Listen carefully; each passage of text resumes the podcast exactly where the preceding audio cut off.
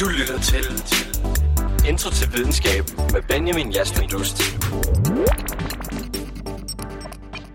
Hej og velkommen til Intro til Videnskab. Mit navn er Benjamin, og det her program er til dig, som gerne vil vide mere, dig der er undrende og gerne vil dykke ned i fascinerende emner. Her i programmet vil vi sammen gå ned i forskellige emner, som kan være tunge og svære, og sammen med en ekspert vil vi prøve at forstå dem, og hvorfor lige præcis de her emner er vigtige for vores liv og samfund. Og dette uges emne er øh, relativitetsteori, og øh, med mig her, der har jeg Ulrik Ugerhøj, som øh, er øh, relativitetsforsker og nu institutleder øh, for Fysisk Institut, hvis det er korrekt. Mm. Yes. Perfekt. Jamen, øh, Ulrik, vil du ikke lige øh, fortælle lidt om dig selv?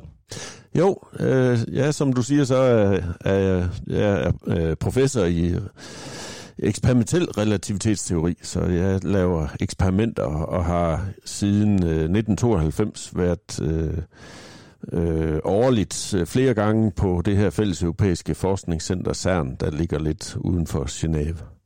Så det, det er der, jeg bedriver hovedparten af min forskning. Det, øh, det lyder ret spændende. Øh, det må jeg indrømme. Og lige præcis den her forskning, du har lavet i CERN, den vil vi nemlig også øh, dykke ned i.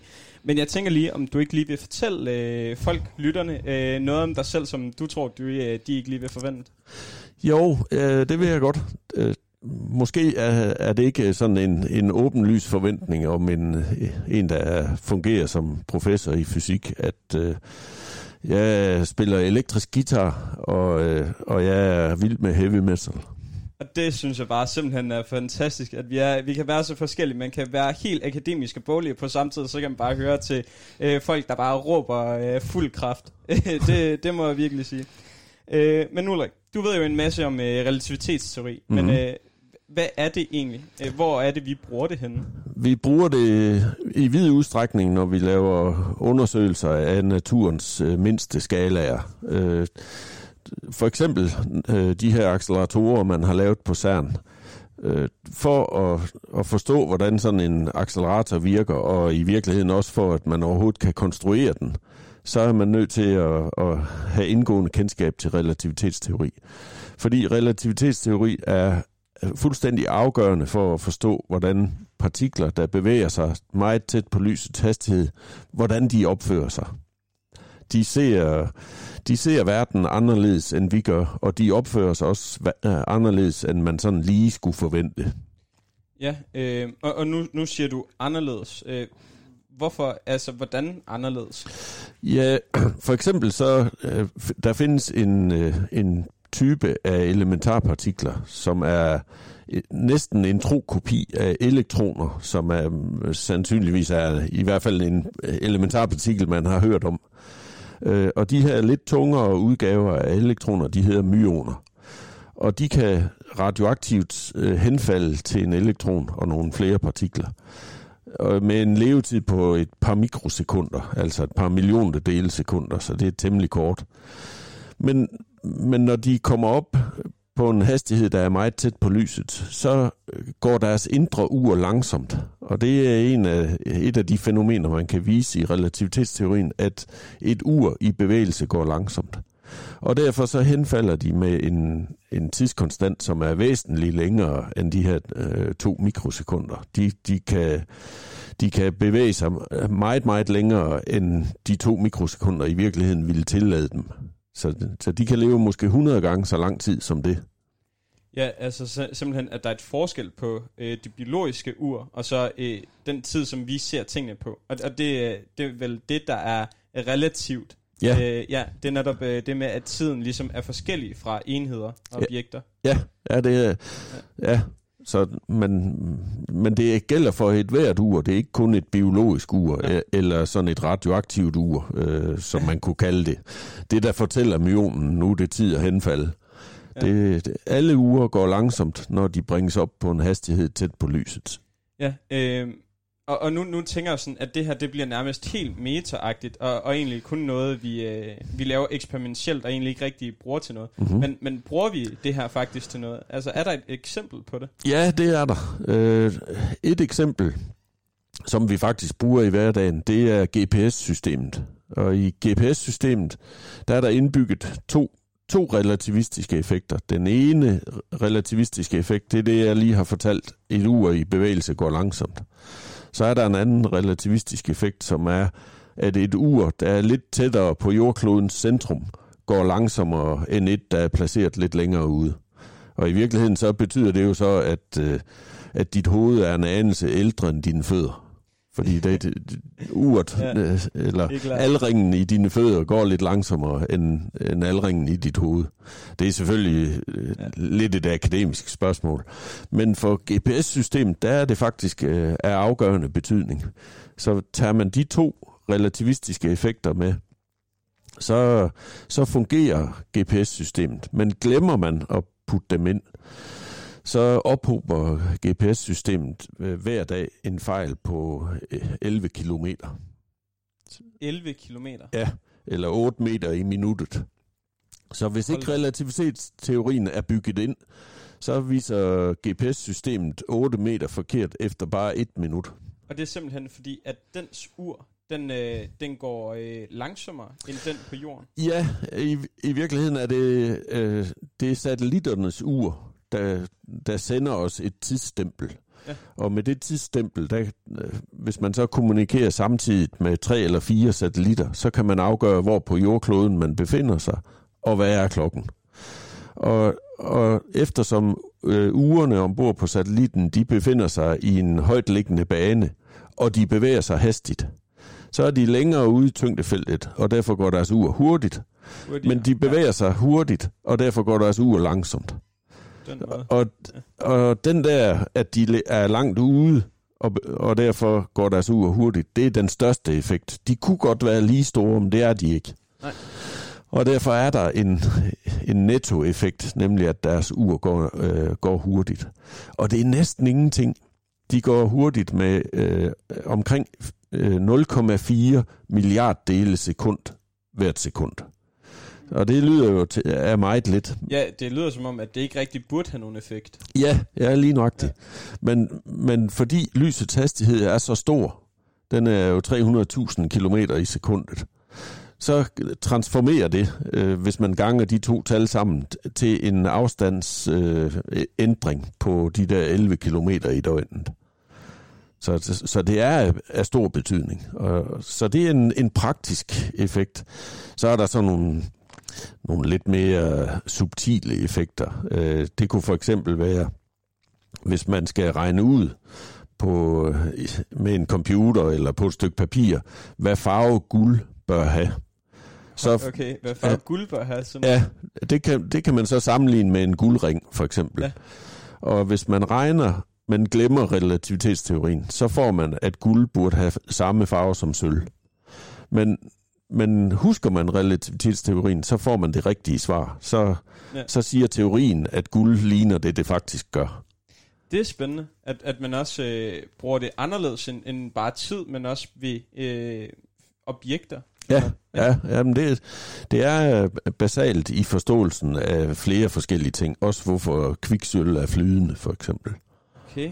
Det, det, det synes jeg simpelthen åbner op for en helt ny verden nærmest. Øh, jeg har kun arbejdet med det i forhold til tid, men Ja, at man også kan i forhold til farver, og øh, hvorfor kviksøl er flydende, det synes jeg er spændende. ja, Øh, men øh, jeg tror rigtig mange af lytterne øh, er blevet interesseret i, hvad, hvad du egentlig laver inden for øh, relativitetsfeltet. ja. Øh, jamen som sagt, så har jeg lavet eksperimenter siden øh, begyndelsen af 90'erne på CERN, og de eksperimenter, jeg startede med at, at lave, det, de handlede om antiprotoner. Antiprotoner øh, er en det er en antipartikel, som, som navnet siger, og en antipartikel er faktisk en form for relativistisk øh, løsning til, at der også er partikler. Så hver gang der er en partikel, så skal der også være en antipartikel. Ja, øh, og det tror jeg rigtig mange øh, ligesom har hørt om med, med Big Bang, med at der blev lavet lige mange partikler og lige mange antipartikler. Mm-hmm. Og så øh, er nogle af de her partikler og antipartikler så blevet udlignet, og det der er blevet tilbage i rest, er så blevet det, øh, vi, kan, vi, kan, vi har i dag i Ja. vores galakse. Ja, lige nøjagtigt. Ja. Og man kender også øh, cirka forholdet mellem dem. For hver gang der var Øh, cirka 1 milliard øh, antipartikler, så var der 1 milliard og 1 øh, partikler. Og det, den ene milliard har mødt den anden milliard, og så er den der, øh, det en, lille et-tal, der er blevet til overs, og det er det, der sidder i, i din og i lytternes krop. Ja, det, det er egentlig spændende, at, at på, fordi at, som jeg tidligere har hørt det, så øh, har der altid været lige mange, men lige præcis den her ene har gjort alt det, vi har, med at hver gang, så øh, at den her ene partikel bare kommer igen. Det, er, det, det synes jeg er stort at tænke på, at man kan tænke i så små baner, at det, det har så meget øh, effekt på, øh, på det store løb. Ja, og det, og det er jo derfor, det er så spændende, og det er derfor, øh, vi, har, vi har virkelig behov for at forstå, hvorfor er der den der lille bitte forskel mellem partikler og antipartikler? Det vil vi gerne vide. Ja. Fordi det er i virkeligheden det, der udgør os, eller det er det, der øh, til syvende og sidst er blevet til os. Ja, selvfølgelig. Øh, det er vel også, altså netop, altså hvor heldig kan man egentlig være, at der er en i rest? Altså, det må man altid have tænkt over. Ja, ja, ja. ja det, er, det gør og, man det. Og de eksperimenter, vi, vi lavede der i, i begyndelsen, det, det handlede så om, om, hvordan antiprotoner som er en af antipartiklerne, om hvordan den opfører sig, når den gennemtrænger metal og gas og sådan noget. Og det er noget, man i dag øh, kunne anvende. Man, man gør det ikke, men, men det kunne man godt. Øh, for ikke så længe siden, der, der blev der etableret det, der hedder Dansk Center for Partikelterapi, som ligger ved Skyby sygehus. Så det, man gør på Dansk Center for Partikelterapi, det er, hvis man har en patient, som har en, en kræfttumor, der, for, der sidder et meget øh, ømfindtligt punkt, for eksempel placeret i hjernen lige bag øjet, så man ikke kan komme ind og operere, så kan man skyde protoner ind, og så vil protonerne, fordi de afsætter mest energi øh, lige ved enden af deres rækkevidde, så ødelægger de tumoren. Og, og der kan man så simpelthen justere energien af protonstrålen, sådan at de trænger ind lige præcis der, hvor tumoren er, uden at, øh, i nævneværdig grad at beskadige øh, det omliggende væv. Og den, den øh, anvendelse er altså i medicinsk brug i dag, og, og er øh, i, i nogen udstrækning øh, primært øh, rettet mod unge mennesker og børn, fordi de har de har jo den største restlevetid, og, og det, det er der, det gør størst øh, gavn. Ja, øh, men øh, når, når jeg så tænker over det her protonterapi, mm. det er, hvordan, får man, øh, hvordan kommer man egentlig til at skyde de her protoner igennem? Fordi som jeg tænker det, det vi har lært i fysik, det er, at grunden til, at det er elektroner, der flytter sig og bliver til elektricitet, det er fordi, at de simpelthen er lettere. At øh, det vil være langt tungere at flytte protoner. Men hvordan koncentrerer man så det? Ja, i virkeligheden så starter man med en, en flaske brint, og, okay. og der rykker man så elektronerne væk fra protonerne. Og, og ja. så har man pludselig en, en masse protoner, som er øh, udgør det, der hedder plasma. Og dem kan yes. man accelerere ved hjælp af, af spænding. Og, okay. og så bringer man dem op i fart og kan skyde dem ind i patienten. Det er selvfølgelig langt mere kompliceret, ja, det, end jeg siger. selvfølgelig. Men, men der, hvor antiprotoner de så kunne gøre sig gældende, det er ikke en realistisk løsning, men, men det fandt vi ud af der i, øh, for noget tid siden. Det er, at når en antiproton møder en proton, som, som, som der er masser af inde i, også en, i en kræfttumor, så så øh, annihilerer de. Øh, annihilerer, det er øh, latin. Nihil, det betyder ingenting. Yes, de forgår, hinanden. Ja, de ja. udligner hinanden, og, og derfor forgår de i et lysglimt. Men, men ikke kun i et lysglimt. Der vil også være, der bliver afsat enorme mængder energi, og det viser sig faktisk, at hvis man i stedet for en protonmaskine havde lavet en antiprotonmaskine, så ville effektiviteten måske være 3 til fire gange større end den maskine, man så har valgt at bygge.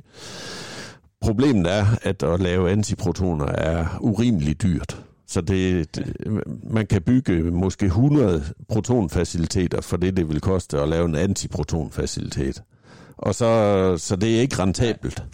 Nej, det er i, i hvert fald ikke, hvis det kun er 3-4 gange større. Altså, så skulle man jo kunne bygge 25, for at det skulle gå lige op. Jo. Ja, ja, ja, det skulle være meget mere. Så, ja, ja. bestemt. Øh, jeg tænker i hvert fald, at det, det du har sagt indtil videre, det er, øh, det er lige noget, der skal falde ind hos rigtig, rigtig mange. Øh, det er også derfor, at vi lige vil køre en lille sang, og så bagefter så vil vi komme mere ind på din forskning. Øh, for du var jo i 2008 henne og øh, arbejde i CERN. Ja. ja. Øh, eller noget før var det jo faktisk. Artiklen blev skrevet i 2008. Ja. Men det vil vi så komme ind på efter øh, sangen her. Ja. Vildeste mix. Du ved, vi griner hele vejen til banken. Når Tatja henter tøserne og rydder op i branchen. Og du ved, vi står distancen sammen. Vil vi skræmme dem,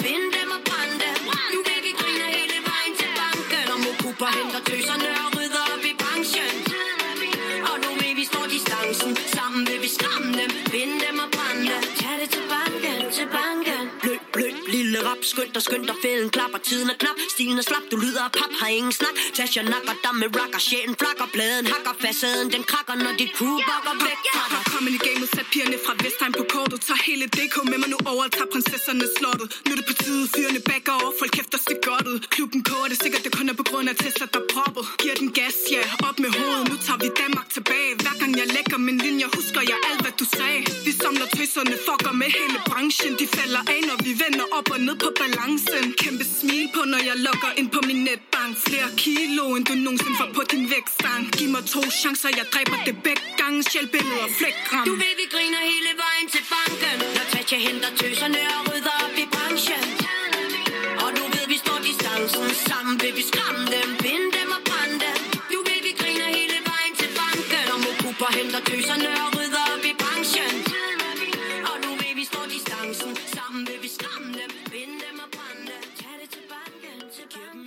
Jamen, øh, velkommen tilbage, kære lytter. Øh, jeg håber, I nåede øh, sangen og lige fik øh, reflekteret lidt. Øh, jeg er tilbage med Ulrik, øh, som øh, vil fortælle noget om øh, sin forskning med elektroner, og simpelthen at kunne ændre øh, noget ved den. Ja. Øh, det tror du øh, kan, vil fortælle meget bedre end mig lige nu. Ja, øh, ja, det vil jeg gerne fortælle om. Øh, det er et, et eksperiment, vi lavede for en 10 år siden, hvor øh, øh, det- der er interessant i det her, det er, vi vil gerne finde ud af, hvor lang tid øh, tager det en elektron at sende lys ud. Ja. Så hvis man, hvis man accelererer en elektron, så sender den lys ud. Det behøver ikke nødvendigvis være synligt lys. Det kan også være en anden form for elektromagnetisk bølge. Det er sådan set underordnet. Men øh, vi ved fra studier og, sådan, og fra udregninger, at den proces, den i, et, øh, i en bane omkring en atomkerne, så tager den omkring 10 minus 18 sekunder. Det, det er meget hurtigt. Det er meget, meget hurtigt. og det er alt, alt for kort til, at vi kan nå at, at, at undersøge processen i laboratoriet. Fordi det sjove er, hvis nu, hvis nu øh, vi kunne trække den der proces, at en elektron bestemmer sig for at sende lys ud. Hvis vi kunne trække processen i langdrag, så kunne det være, at vi kunne nå at påvirke den undervejs. Nå. og det vi gjorde så, det var, at vi tænkte, jamen, øh, i relativitetsteorien viser jo, at, at et ur i bevægelse går langsomt. Så måske, hvis vi bringer elektronen op på meget, meget høj energi, og dermed meget, meget tæt på lysets hastighed, så kan den der lysudsendelsesproces trækkes så meget i langdrag, at vi kan nå at påvirke den, øh, mens processen foregår. Og faktisk lykkedes det os med nogle eksperimenter, også udført på CERN, at trække processen med, i langdrag med en faktor 300.000. Hold da op. Ja, Det- det, er et stort tal. Ja, det er det og, i hvert fald. Og derfor bliver det længe nok til, at elektronen den bevæger sig det, der svarer til omkring, omkring 100 mikrometer, altså 0,1 millimeter, Ja. som er langt for en elementarpartikel. Og langt nok til, at vi så faktisk kunne nå at, at forstyrre processen, mens, mens den foregik. Og vi kunne nå, vi kunne nå sådan at, at sætte øh, barriere op for, for elektronen under processen, og dermed øh, tvinge den til at ændre mening. Så selvom den var i gang med at sende, sende en lyspartikel ud, så kunne vi så, kunne vi så at sige øh, ændre på det, sådan at den ikke gjorde det alligevel. Men jeg bliver nødt til at spørge, til at spørge sådan, måske også generelt med forskning, men øh, hvorfor var det egentlig, at I skulle finde ud af det her? Hvad, hvad var der vigtigt ved det, og hvad har jeres forskning så hjulpet med, siden I har fundet ud af det? Ja, øh, det her det er et, et øh, grundvidenskabeligt problem. Altså, hvor lang tid tager det en elektron at sende lys ud? Ja, og grundvidenskabeligt, det er vel, hvor man bare undrer sig Ja. øh, over noget, og så søger man det. Lige præcis. Yes. Lige præcis. Så, så det er simpelthen bare, øh, vi er nysgerrige. Hvordan kan, hvordan kan det være, at øh, tingene ser ud til at, at skulle opføre sig sådan og sådan? Ja. Og så, så et, eks- i et eksperiment, det er i hvert fald min fornemmelse, der spørger vi naturen. Op, opfører du dig virkelig sådan, som, som vi regner med, du gør? Og nogle gange øh, er det ikke, som vi forventer, og andre gange så bekræfter det te- teorien. Men, men som eksperimental fysiker, så, så er det det, der er det, det afgørende, det er at få afdækket, øh, er vores teorier korrekte, eller skal de modi- modificeres? Det skal Ja. de nogle gange. Der er ikke noget direkte anvendelsesmæssigt øh, perspektiv i den for, forskning. Men, men altså sådan et sted som CERN, der er utrolig meget teknologi, der bliver øh, udviklet. Ja. Fordi når vi skal have svarene på de her grundvidenskabelige spørgsmål, så er vi nødt til at presse teknologien til det yderste. Fordi alle de lette eksperimenter, de er lavet. Og, og det vil de jo også sige om 20 år. Ja. Og det sagde de sikkert også for 50 år siden. Men, men og, og det, der har gjort dem lette, det var, at, at set fra i dag, der, der var den teknologi, det er, jo, det er en selvfølge. Men dengang har det jo været svær teknologi, og det er det også i dag. Altså, vi, vi presser hele tiden teknologien og forsøger at finde bedre og bedre detektorer, og, som, som kan hjælpe os til at afdække øh, mere og mere komplicerede spørgsmål. Og mange af de landvindinger, vi så gør os, øh, finder anvendelse, som jeg nævnte før, i med, medicinske anvendelser. Der findes ikke der findes mange apparater på sygehusene, som for måske 30 år siden har været fysikinstrumenter. Ja, jamen, jeg, øh, jeg, jeg synes lige præcis det her med grundforskningen, fordi øh, er, sådan, er, er særlig spændende, fordi at du ved egentlig ikke, hvad det kommer til at blive brugt til. Nej, Men, men alligevel, så er der en vigtighed i ligesom at forske i det her ud i fremtiden. ja, Så selvom det ikke er et problem nu, så er det meget den her tænkning med, det kan sagtens være et problem ude i fremtiden. Vi kommer til måske at kunne mangle det her. ja, Og det, øh, det synes jeg også er noget af det vigtigste forskning, der er. Øh, og nu var der også øh, nogle andre øh, typer af forskning. Der er vel også, øh, nu har jeg glemt, hvad den hedder, det kan du måske hjælpe mig med. Den, hvor øh, der er behov for at skulle forske i den, netop fordi der er et problem nu. ja, anvendt forskning. Anvendt forskning, ja. ja. Øh, nu ved jeg ikke om, øh, er, er det, øh, laver man også det i forhold til relativitetsfysik? Øh, fysik? Ja, øh, jo, det gør man i, i den forstand, at for eksempel, hvis man skal lave forbedringer af GPS-systemet, Ja. ja. hvis man skal forbedre GPS-systemets nøjagtighed, så, så er det blandt andet ved at regne øh, mere præcise korrektioner ud. Og, men langt det meste af relativitetsteori og forskning inden for det, det er, det er grundvidenskab. Det, det er for at forstå tingene bedre. Yes. Øhm, Ulrik, du sendte mig en, øh, en artikel øh, skrevet i 2020. Det er Ja. simpelthen i år. Øh, Ja. Under coronaen endda måske. Ja, øh, de, de sidste paragrafer blev nok skrevet. øh, De sidste, ja, selvfølgelig. Øh, I hvert fald.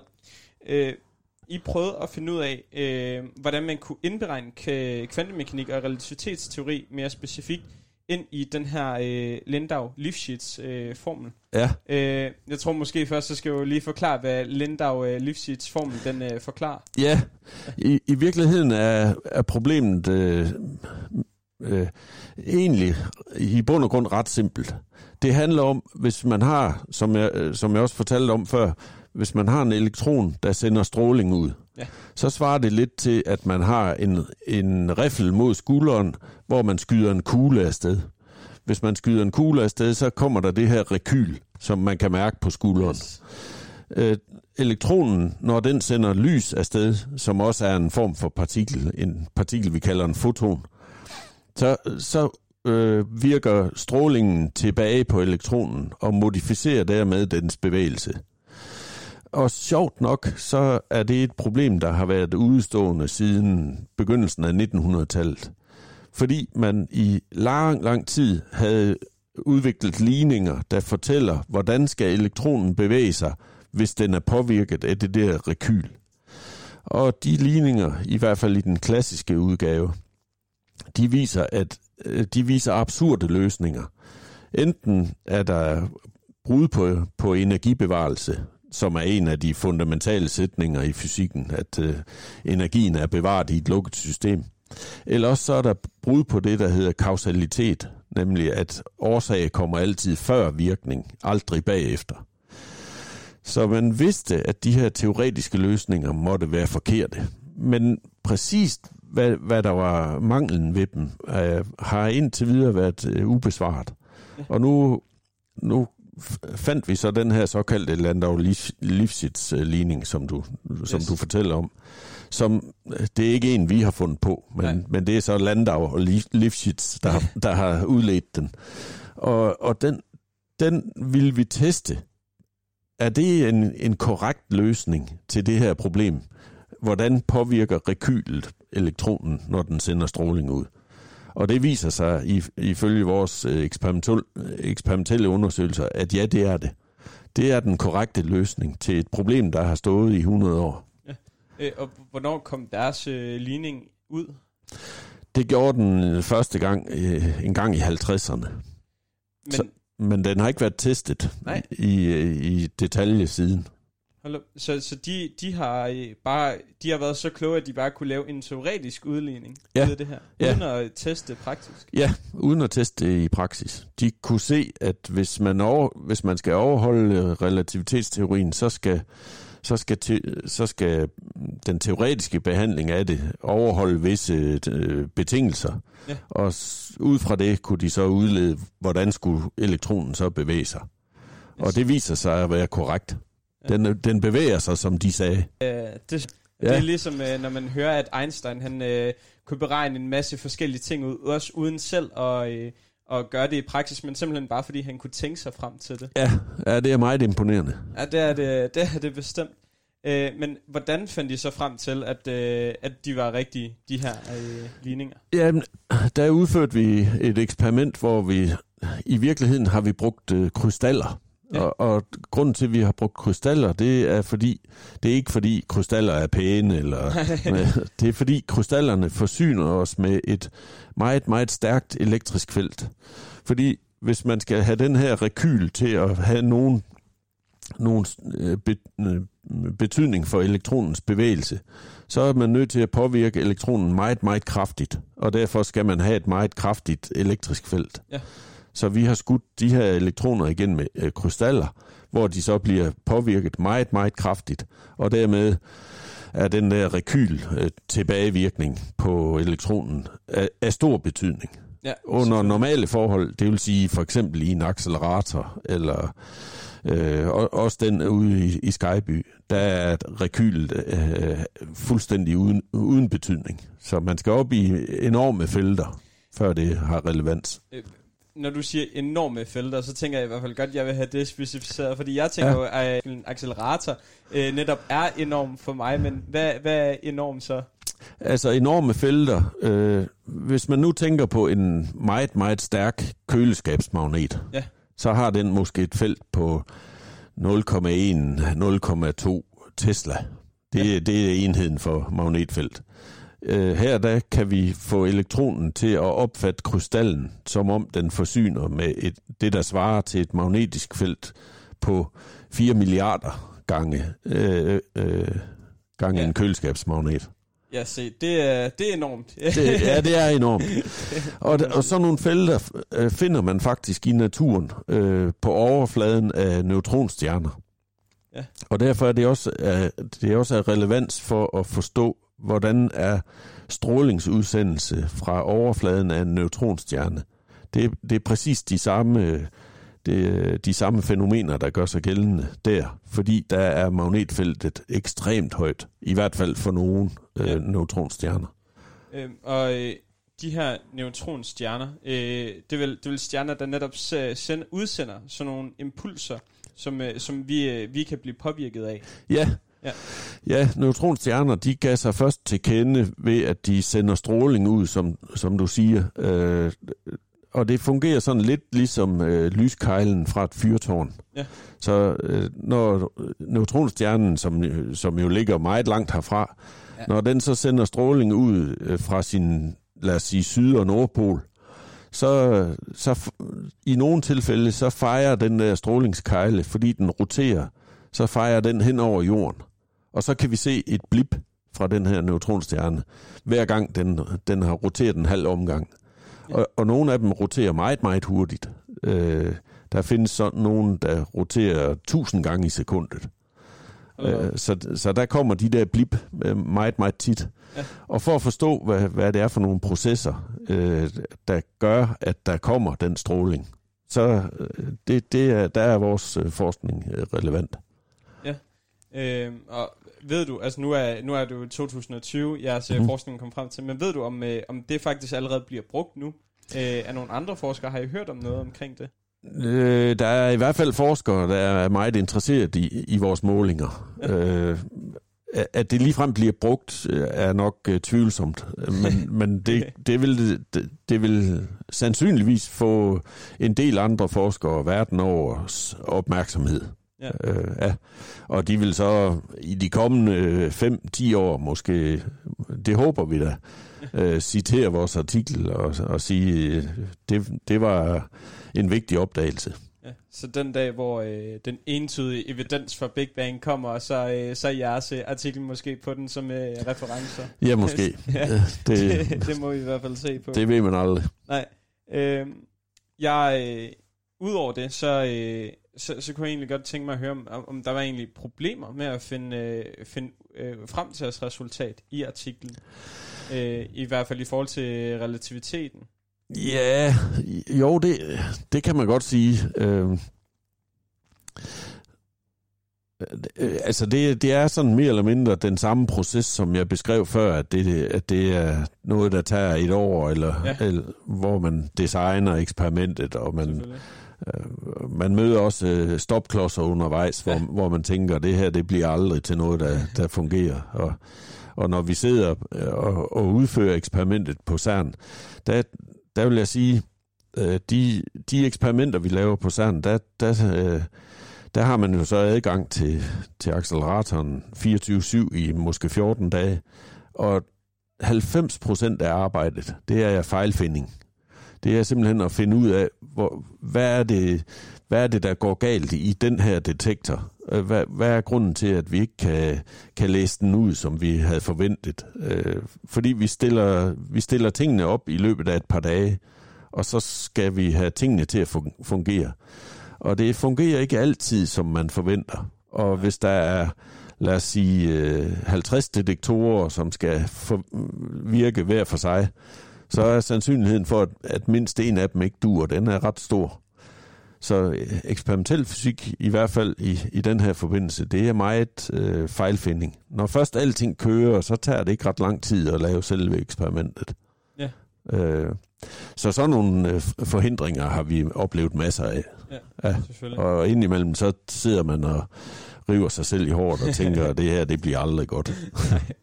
Det, det plejer jeg også at gøre nogle gange med mine fysikrapporter. øh, nej, jeg, øh, jeg, jeg synes, det lyder spændende. Især øh, når jeg tænker relativitetsteori, så tænker jeg i, i, i store baner med tid. Mm. Øh, og, og det kommer jeg også til at tænke på, da jeg læste jeres artikel, med at når, når, øh, når banen den så bliver forstyrret, har det så en påvirkning på tiden, at dens bane bliver forstyrret? Eller er det bare, at den kommer til at miste noget energi? Nu lå jeg mærke til, at I sagde, at I gerne vil reducere damping force, som er, at energien egentlig bliver fordelt ud i hele rummet, i stedet for, at den ligesom øh, kan, kan reduceres, og at man ligesom finder ud af, øh, at den her elektron, den kan beholde meget af sin energi, i stedet for at miste den. Ja. Ja. Øh, det har ikke sådan direkte noget at gøre med, med øh, at tiden øh, ændrer karakter, eller Ja, okay. okay. at den går langsommere. Men, men det, er, det, det er sådan set bygget ind i, i forståelsen af den der strålingstilbagevirkning, ja. som den hedder. Ja, Øh, okay, jamen øh, det, det er nu også øh, helt fint, at det ikke alt sammen har noget at gøre med tid. ja. Øh, men øh, når, når, når nu vi er på emnet, øh, så har jeg meget tænkt over, kan tid mærkes? Fordi jeg kan jo hverken se eller føle tid, men jeg ved, at den er der. Ja. Og jeg kan se effekterne på tid, men, men altså rammer den mig? Altså kan tid mærkes? Ja, ja, det kan den jo, fordi, ja. fordi man ældes, for eksempel. Ja. Så det, men det er sådan lidt over i den psykologiske tid. okay. ikke også? Men, men det er, øh, i virkeligheden så, øh, du kender sikkert også øh, Kai og Andreas sang om øh, da, den her såkaldte to minutters sang, ja. og det, som indledes med, tiden er noget mærkeligt noget. Ikke også? Og, og det er rigtigt. Tiden er noget mærkeligt noget, altså mystisk eller forunderligt. Men det er også mærke. Altså, du, det er noget, du kan mærke. Ja. Øh, og, og det er sådan et aspekt af, af den der intro til sangen, ja. som... Øh, og det er det jo, fordi øh, det, tid er et udtryk for processer. Øh, altså, at tingene udvikler sig til noget andet. Ja. Der er sådan en, en en spirende retning inden for fysikken, hvor man forsøger at afskaffe tidsbegrebet. Men det har, så vidt jeg ved, ikke den store medvind. Øh, problemet med det, det er, at, at det, er, det er indbygget i næsten alle de teorier, vi har for, hvordan naturen opfører sig. At, at vi skal bruge den parameter, vi normalt kalder t, øh, ja. hvor, som beskriver, at nu går tiden. Ja, og man skal jo passe på, om det er store T eller lille T, fordi nogle gange så kan man så sige meter i øh, grader, i stedet for meter i sekunder. ja, ja, ja, man, ja, der er alle mulige måder, man kan ja, Det er i hvert fald noget, jeg, jeg generelt er sur over fysikken, det er, at så øh, har franskmændene opfundet øh, et symbol, og så siger tyskerne bagefter, jamen det vil vi gerne bruge til noget andet, og så kan man blive forvirret på den måde. Ja, ja det er rigtigt. Men nu, øh, nu når vi så taler om tid, og specielt astrofysik, så sorte huller. Ja. Det, øh, det tror du ved alligevel lidt omkring, i hvert fald. Ja, lidt. Ja, Måske ja. lige en lille smule. Jo, øh, øh, i virkeligheden er det... Øh, langt det meste af det, jeg beskæftiger mig med, er inden for øh, den såkaldte specielle relativitetsteori, ja. som er et, et udsnit af den mere generelle, som så hedder den generelle ja. relativitetsteori, eller den almene. Og strengt taget skal sorte huller beskrives i den generelle relativitetsteori, som jeg langt fra er ekspert i. Men, men, men jeg ved dog noget om, øh, om, hvordan tiden går i nærheden af sorte huller.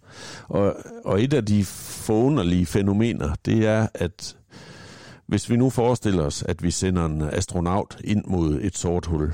Yes. Man kunne for eksempel også kigge, øh, se filmen Interstellar. hvis, hvis man sender astronauten ind mod det sorte hul, så afhængig af, hvor man sender ham øh, ind, så vil turen ind forbi horisonten tage måske 5-6 timer. Men set udefra, så vil han aldrig falde derind. Nej. Øh, og, fordi de lyssignaler, der kommer fra, at han skal passere horisonten, vil aldrig nå os. Så giver man vedkommende sådan en, en øh, lad os sige en lampe, der blinker hvert sekund, så vil vi her på jorden kigge op mod ham, mens han daler ind mod det sorte hul. Og der vil vi så se, at den her lampe, den begynder at blinke sjældnere og sjældnere og sjældnere og sjældnere. Jo tættere han kommer ind på det sorte hul. Ja, ja. så set herfra falder han aldrig ind i det sorte hul. Nej. Men set for ham selv, så går der bare et par timer.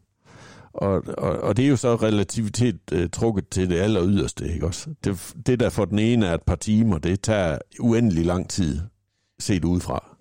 Jeg, jeg hørte, at, at det skulle meget gerne for, det var også fra Interstellar, der er min kilde, men, øh, men at, at noget, der, tager, der kan tage tre sekunder, øh, for at komme ind i et sort hul, tager 3.000 år her på jorden. Ja, det kunne sagtens være tilfældet. Ja. Nogenlunde sådan der. Ja. Det, det er i hvert fald relativt. Det må man Bestemt. sige. Det er meget relativt. Bestemt. Ja. Øh, og på den note, så tænker jeg i hvert fald, at man lige kan tænke lidt over øh, det med sorte huller. Og så tror jeg helt klart, at vi skal vende tilbage til det efter øh, sangen, der vil blive afspillet her. Ja. you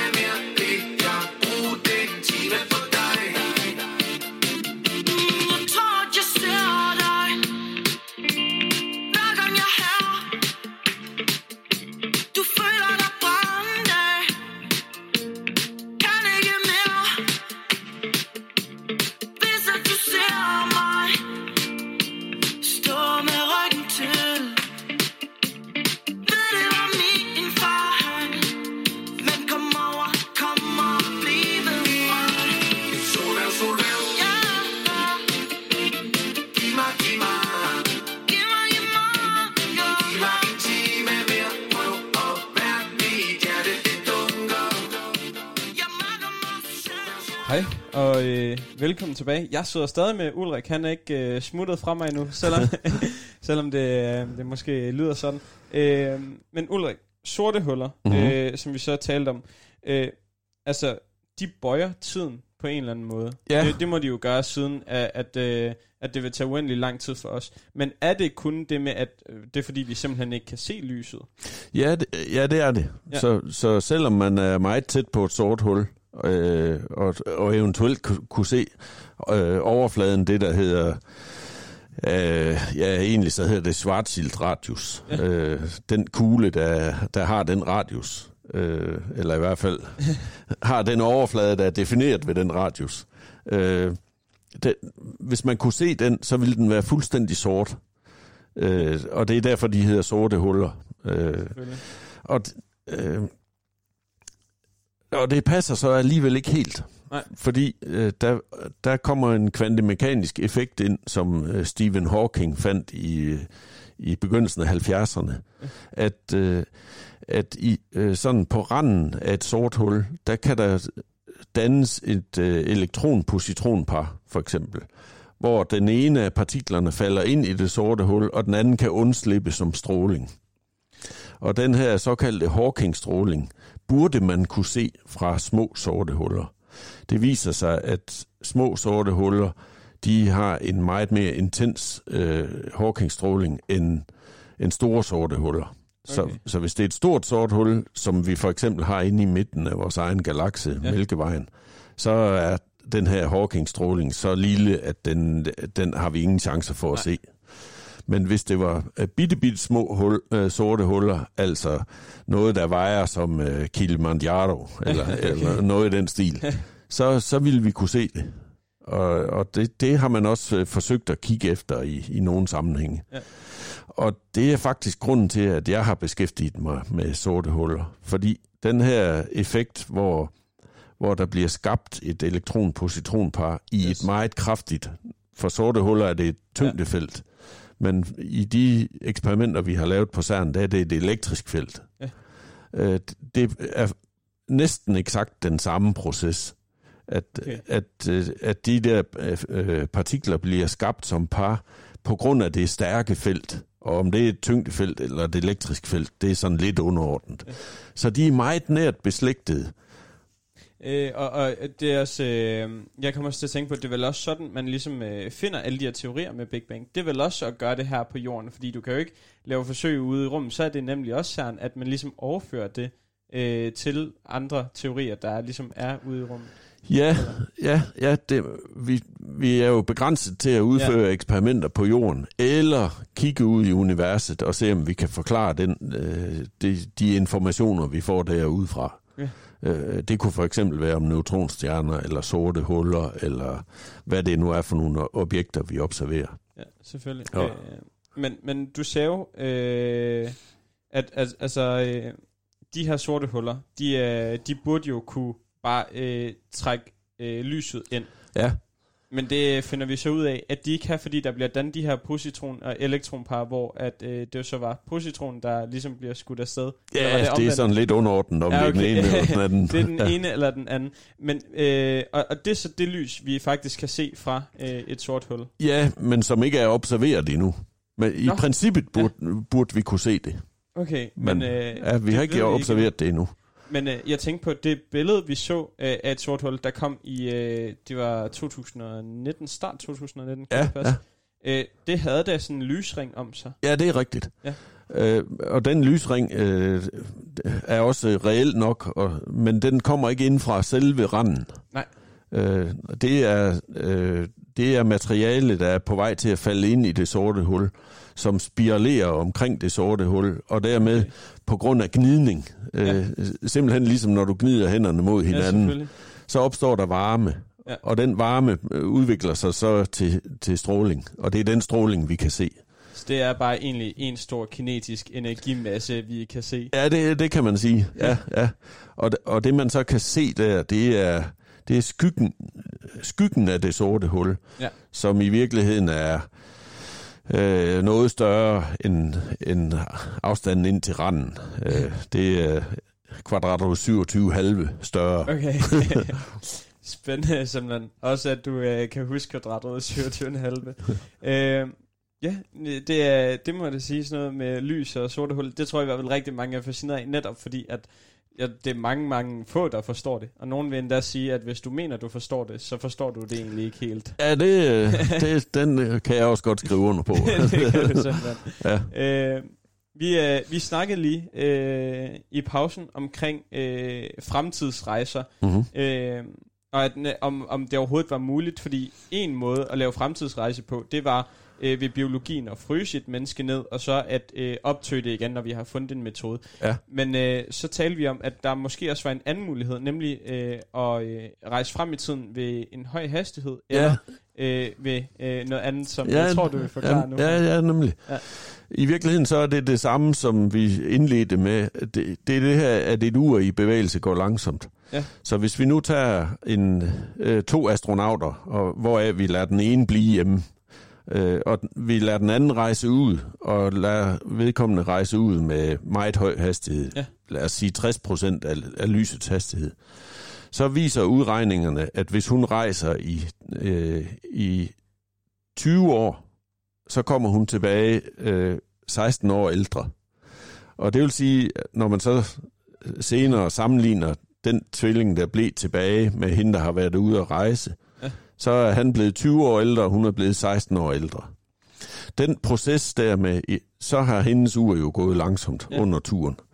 Den kunne man sådan, at, i hvert fald på papiret, trække øh, ud i det, i det urealistiske, hvor eller det dybt urealistiske, hvor man så, hvis man er meget, meget tæt på lysets hastighed, så kunne man rejse hen til den anden ende af, af galaksen og tilbage igen. Ja.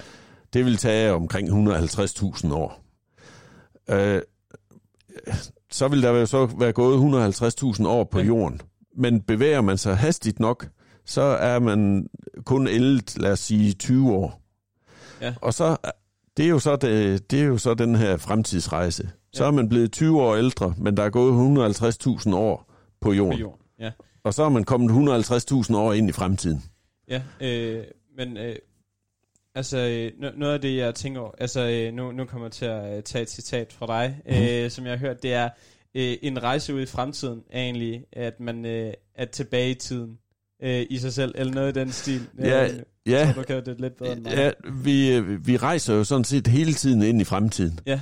Det, der er forunderligt, det er at den, øh, den hastighed, så at sige, vi rejser ind i fremtiden med, Ja. som jo er et sekund per sekund, det giver egentlig ikke rigtig nogen mening. Men, men, men du forstår nok, hvad jeg mener. Ja, det- den, øh, den kan vi ændre på, Ja. så vi kan simpelthen få tidens gang til at sløves ved at, ved at bringe tingene op i fart. Ja. ja. Øh, og, og jeg tænker i hvert fald, at grunden til, at øh, det er hende, der bliver yngre, det er jo fordi, at hun rejser tilbage. Ja, det er fordi, det er hende, der rejser. Ja, ja. fordi at, så er det jo netop fra hendes perspektiv. Men, men hvis det er, at, at hun bevæger sig Mm-hmm. øh, evigt i en høj hastighed væk fra jorden, Ja. så ligner det jo, at det er jorden, der bevæger sig væk fra hende med den samme hastighed. Ja. Øh, hvordan ved man så, hvem det er, der egentlig rejser øh, langsomt? Det ved man, fordi det er den, der vender om. Ja.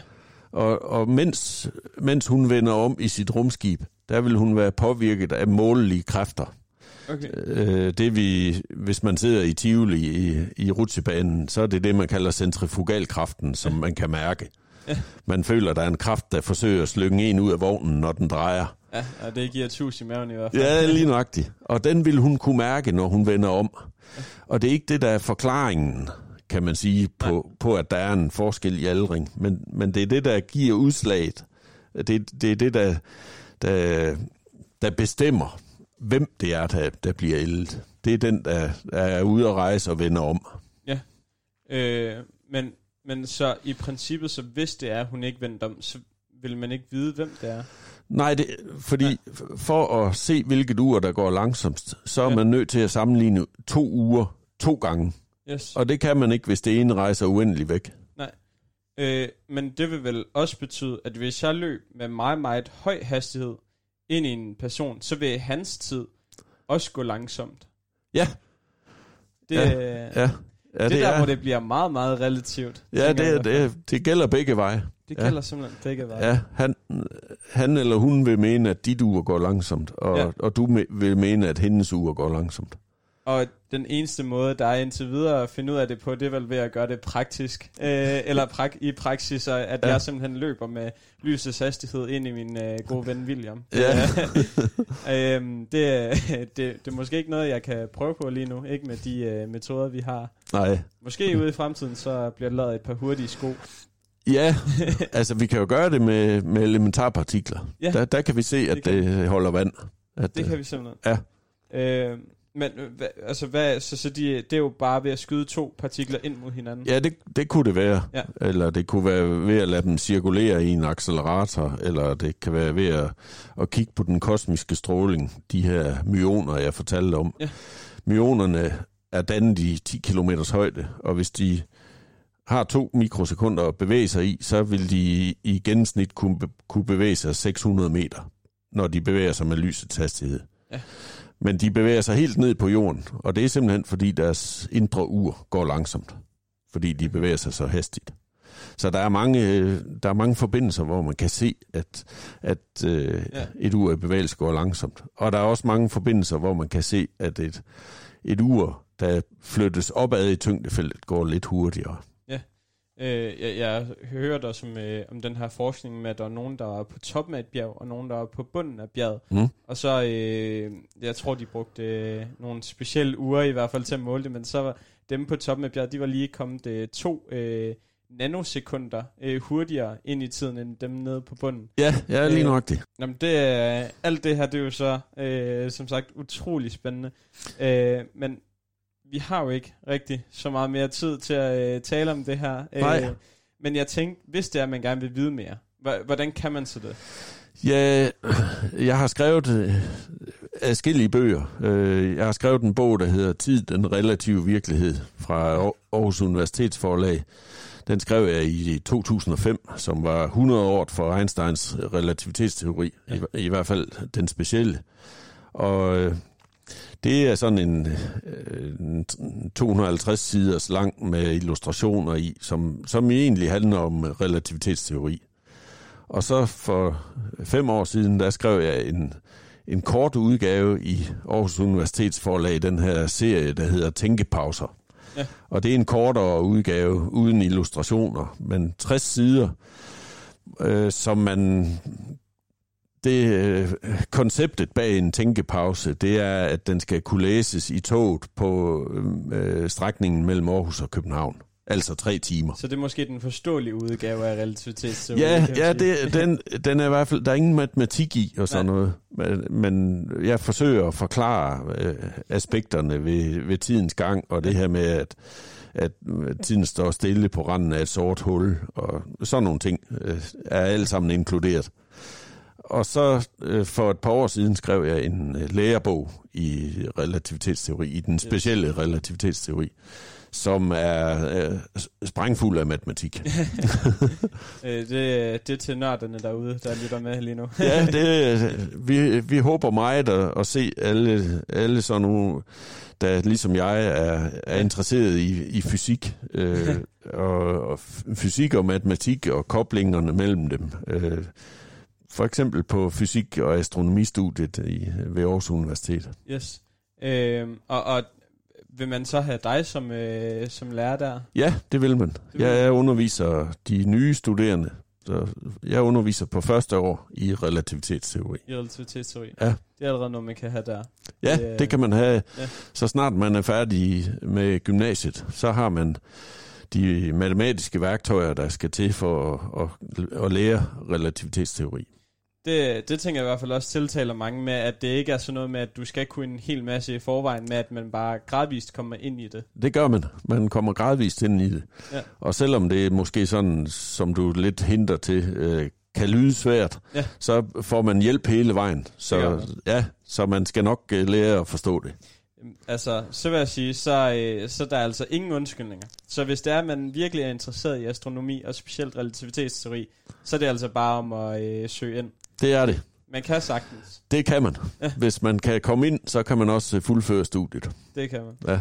Ja. Øhm, Ulrik, jeg vil simpelthen sige uh, tusind tak uh, Ja, for det interview. Uh, Det har været mega spændende, og også lærerigt både for mig, og jeg regner også med for rigtig mange af lytterne. Jamen, det, Øh, vi har Mm. talt om alt fra sådan, tidsrejser til øh, din forskning med øh, små partikler og deres, øh, øh, hvad hedder, nu har jeg lige glemt det, radiation, stråling. Ja. ja, strålingstilbagevirkning. Øh, ja, ja. Men øh, igen, det har været øh, mega spændende, og jeg siger tusind tak. Ja, velkommen.